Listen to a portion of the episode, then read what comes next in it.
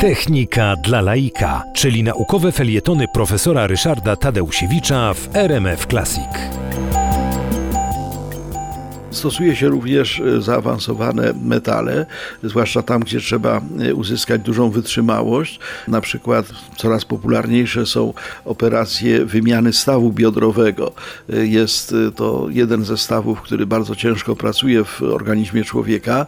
Wobec tego zużywa się i tak jak zatarte łożysko w technice, trzeba go wymienić. Usuwa się rzeczywistą kość, usuwa się również elementy, które łączą tą kość z otoczeniem, no i na to miejsce wstawia się element y, metalowy, który właściwie no, robi dokładnie to samo, znaczy pracuje jako takie, y, takie łożysko, ale y, ono jest już w tym momencie techniczne, a nie biologiczne. Okazuje się, że tutaj także odpowiednia wiedza metalurgiczna jest potrzebna, żeby zrobić tworzywo, które będzie przez organizm absorbowane i akceptowane.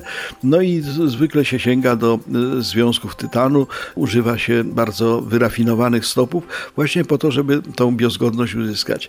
No i na koniec y, powiedzmy jeszcze y, o, o jednej dość istotnej sprawie, mianowicie nie, nie powiedziała ostatniego słowa, jeżeli chodzi o bioimplanty ceramika.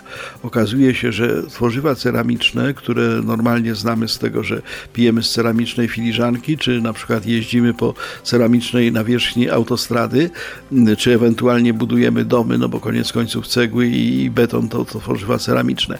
Okazuje się, że ceramika jest mm, też tworzywem, y, które może być bardzo dobrze wykorzystywane y, w medycynie i w biologii. Wcześniej była wykorzystywana jako hydroksyapatyty y, głównie w stomatologii. W chwili obecnej elementy ceramiczne mogą się pojawić właściwie w dowolnym miejscu ciała człowieka, gdzie to jest uzasadnione.